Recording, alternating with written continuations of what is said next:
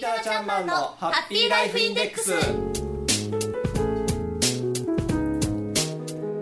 FP タナちゃんマンのハッピーライフインデックス。この番組はあなたの夢と未来をトータルサポートするライフサポート有限会社の提供でお送りします。私たちと一緒に明るい未来幸せな生活になるための心の豊かさについて考えてみませんか？番組ではあなたからの質問やご意見も受け付けています。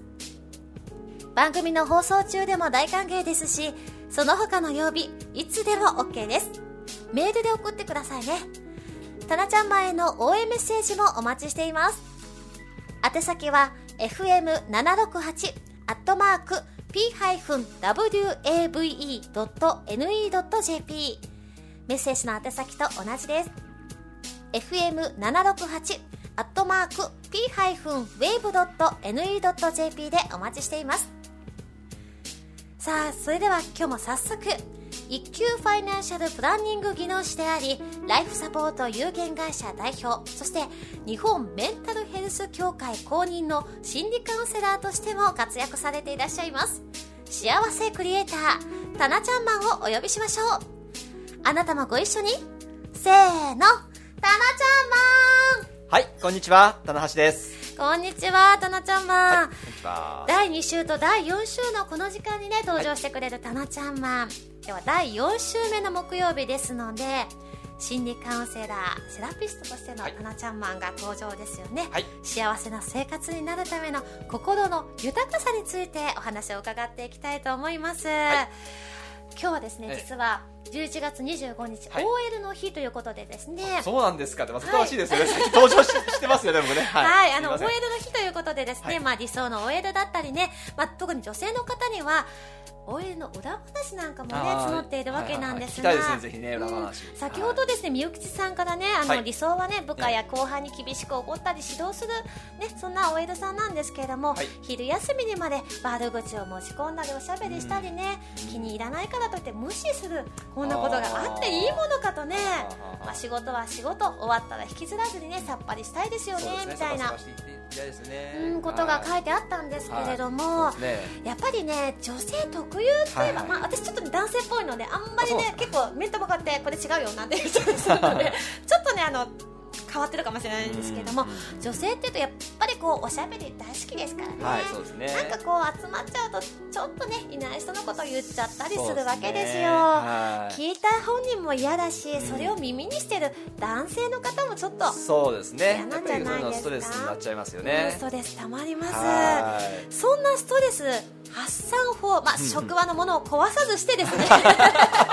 え壊した経験あるんですか？あのよくこう物に当たる方いらっしゃいませんか、はいはい投げつけたりとかね。職場でやるとこれは社会人としてどうかなっていうことあります、はい。なのでまあそんなこうことがないように、はいうまいこうストレスの発散法なんかあったら、ぜひ教えてください、ね。はい。まあストレスのね発散法でも人それぞれあると思うんですけどまずじゃあそのストレスとは何ぞやっていうところをね、はい。お話をしてみたいと思うんですけど。根本に行くわけですね、はい。そうですね、ん。まずそのストレスそのストレスという言葉の語源ですね、ええ。はい、語源はですね、まあ、物理学から来てるんですよ物理？物理学なんかま難しいそうですね話ですかはい、は摩擦っていう意味なんですよ。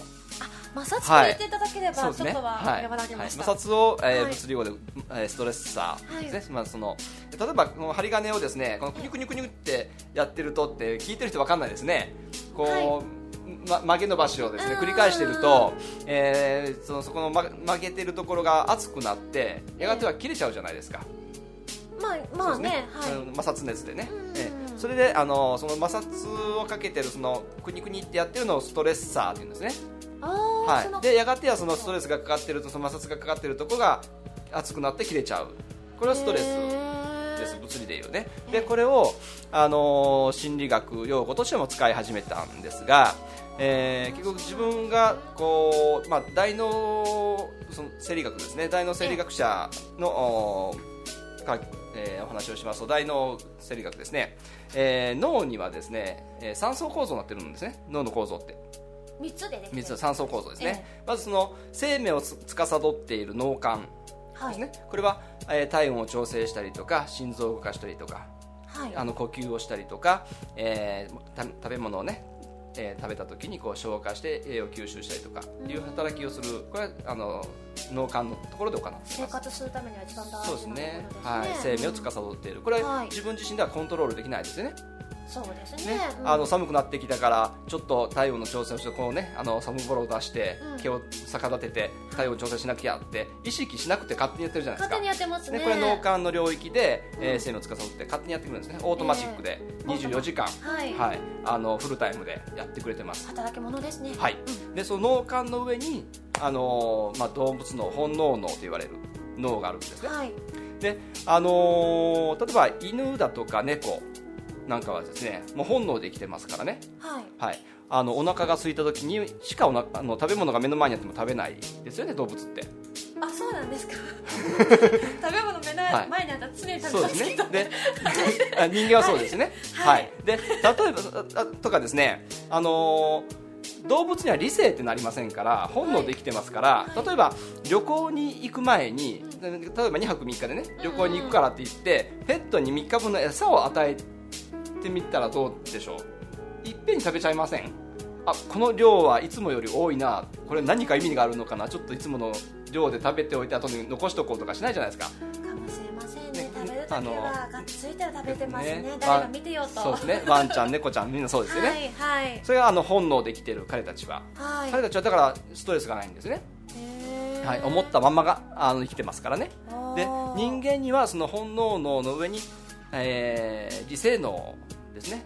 はい。大の変影系と言われてる理性脳があるわけですよね。はい。例えば、えーし職場であのそのねおよりさんが職場で仕事中にまあ飴とかねガムぐらいは食べるでしょうけれども、はい。い、きなりスイーツを出してきてね食べちゃうとかはい。お腹が空いたからちょっとサンドイッチを、ねはい。会議中に食べちゃうとかしないじゃないですか。会議中はないでしょうね。でもえ？もしかしたらテーブルの上ではデスクの上であるかもしれませんえそうですか？まあね。あの3時とかね10時とか3時のおやつの時間というかね休憩時間にはいいでしょうけども、はい仕事中はまずいんじゃないですか。ね っていう理性があるじゃないですか。まあありますね。ね？人が見てるわとか。そうですね、はい。でこのストレスっていうのは本能では食べたい。でも今食べちゃいけないよってうん。抑え込む理性があってその間で摩擦が起きちゃうんですね。それが心にこう傷になったりとか、はい。うんあのーもやもやっとしたものが来てうん。ストレスとしてうん。くるんですよね、あはい、ーわかりやすいですね、はい。ありがとうございます。はい。この摩擦のことをストレスと言います。でじゃあこれをどうすればいいのかなんですね、だからこれ動物脳でやりたいと思ったことを理性で押さえつけているからストレスになるということはうん。動物脳でやりたいと思ったことを行動すれば発散できるわけですよ。そのままね。はい、うん。ですので、まあ、当然ねあのこの私たちは人間、ね、社会生活を送っていますのであの場所をわきまえないといけないですね。当然その例えばさっき言いましたようにあのか大事な、ね、会議中に物を食べるとかですね、はいとんでもない話ですので、はい。それが終わった後に例えば、え気の合う仲間とカラオケに行って大騒ぎをするとかですね。あるいはこう逆にですねその大騒ぎすることがストレスになる方もいらっしゃいますんでね。まああるでしょうね。ね大勢といることがっていうのもあるかもしれませんね。そういう方は例えばお家に帰ってアロマを炊くとかですね。お香を炊くとかあるいはそのガーデニングをするとかですね。そういったのもストレス発散になる。んですよね。あーそうですか、はいやっぱりそのストレスになってしまうということは摩擦があるのでその原因をまずはどれが原因かをそうですね。理解すれば。ないそうですねといけないですよね。はいそれもちょっと難しい時もあるかもしれませんね。そうですね。いろんなことが複雑に組み重なって、はい。そうですね。ね。まあ、まあ、でも大体まあ自分が我慢した時がストレスなのでその時はちょっと我慢してもちょっと場所を変えてねそれをわっと発散すればいいのかなとかですね。あとはリラックスですね。あのー人間には交感神経と副交感神経っていうのがありはい、ますので、なんか習った気がします、はい。生物の時間にそうですね。まあ、生きてる間は交感神経がねはい。働いてるわけなんですけれども、はい。でそのストレスがかかってわーっとね声を出してそれこそカラオケでしゃいだりとかですね、はい。こう車でドライブ行ったりとかまあ能動的な発散ですので、はい。どちらかというと交感神経系の情動発散ですし、お家に帰ってあの半身浴でねゆっくりこうお風呂に浸かるとか、えーアロマを焚いてその香りを楽しむとかですねそれはどちらかというと副交感系のね、あの浄土発散ということで、ねはい。どちらも組み合わせる形でねやられることによって、えーストレスというのはなくなるのかなと。あー。じゃあ、あのーまあ、ストレスのその発散方法も人それぞれですから、い。それを見つけるというのもそうねそれが大事ですよね。ね私はお後派お風呂の方もいらっしゃるかもしれませんし、そうですね。逆に走るのがストレス発散という方ももいらっしゃるかもしれません。ね。はいそうですね。うんはい。汗かくのがいいのええという方もいらっしゃれば、逆に一人でずっと何もせずねうん、ぼーっとしてるのが好きっていうのはいいという方もいらっしゃるかもしすれませんね,、ですねそれはまあ人それぞれのはい。性を見つけていただいて、またそれも変わる可能性も出てきますよね。あ変わってきますねそうですね。はい。そうですおね子さんができたお子さんを見てるのがストレス発散法になるのかも、うん寝顔を見てるのがストレス発散なのかもしれませはい。んしそうですね。ああそういうことが起きてくるわけなんですね。はい。ねやっぱりこうでも職場となるとまたねそうですね。原因が分かっててもなかなか言えないくそうないですか？ですね。相手に対してね言えればいいんですけれどもね言えない時はそれはねじゃあどう処理したらいいのかっていうことですけれどもね。もし何か言われちゃったらどうしようとかね。ね。なんか仲間外れにされちゃったらどうしよう、はいやっぱちょっと女性はその辺はいちょっとこう弱い面がありますから、そうですね。ねえ。ー。難しいそうですね。ね、あのーまあ、これをね簡単に対処する方がまたあるんですけれどもね、はい。はい、聞きたいですがみ聞きたいな。たいですよ。みゆきちさん、多分めちゃめちゃ聞きたいと思いますよ、はい。あのー はい。そうですね。例えばそのみゆきちさんがええ。嫌だなって思っていらっしゃる上司の方がですね、じゃあその上司の方を100人いれば100人とも嫌いって言ってるんでしょうか？ってそうではないですよね。あまあその人そうですね。同じ職場の中ではその上司ああの人いいじゃないっていう人もいるんですよ。まあそうでしょうね。ということはその上司のことを嫌いというみゆきさんがいるんですよ。その人が悪い人じゃなくてその人を嫌いだと思っているみゆきさんがいるっていうことなんですよ。あ客観的に見て、そうですね。自分をも客観的に見ると、そういう作用が出てくる、そうですね。だから一人称で考えるんですね。あの人が私に嫌な思いをさせてるんではなくてあの人の行動を見て嫌と思っている私がいるんですよ。あちょっとなんかい一歩か三歩ぐらい引いて客観的に自分を見るようなその、ね、能力も養わなきゃそういういけなくなりまふうすねにあの考えることによってストレスは和らぐと思います。あそっかそっか、じゃあちょっとなんか言ってて苦手だなと思ったらその嫌だなと思うことは自分もやらなかったらいいことそうでですしね。はい。もしその状況に陥った時に、うん。ちょっと待てよ、はいあれ？もしかすると私の考え方をちょっと変えたらそうですね。見方ですね。はい。なんかある意味いろんな意味でねはい行動も気持ちもちょっと大人になる自分がはい。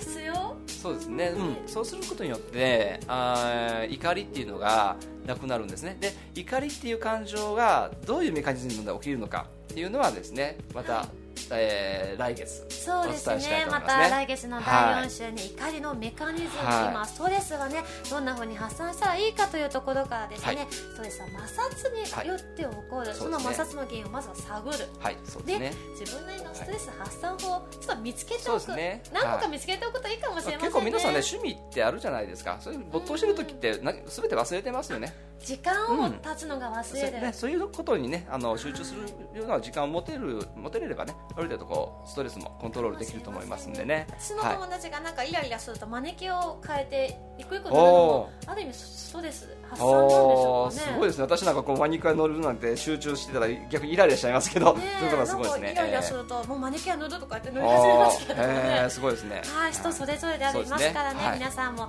自分なりのじ自分だけのねそうですね。ストレス発散法を見つけて、い。い、ろいろ工夫していただくのもいいかもしれませんね。タナちゃんもありがとうございます、今日はですねストレス発散法ということもね教えていただきました。ぜひねライフサポート有限会社のホームページもチェックしていただきたいと思います。過去の放送分も聞いていただけますよ。タナちゃんマン、ね、ちゃんだけがひらがなです。タナちゃんマンと検索エンジンに入れていただいてもヒットしますし FM 四日市このポートウェーブのホームページのトップにもね FP タナちゃんマンのハッピーライフインデックスの紹介コーナーがあってそこにリンクがバッチリ貼ってありますからね簡単にアクセスしていただくことができるようになってます。ぜひ今日の放送をもう一度聞きたいという方も後日聞いていただくことが可能です、アップしていただけますのでねぜひお聞きください。タナちゃんマンが次に登場してくれる来月の12月9日第2週の木曜日は、一級ファイナンシャルプランニング技能士としてのタナちゃんマンが明るい未来幸せな生活になるためのマネーライフのお話をしていただけます、はい。マネーのことについてこれ聞きたいわという方はねね。ぜひはい。メッセージをお寄せください。今日じゃなくてもね他の曜日でも OK でございます、はいはいお受けしております、い FP タナちゃんマンのハッピーライフインデックスこの番組はあなたの夢と未来をトータルサポートするライフサポート有限会社の提供でお送りしました。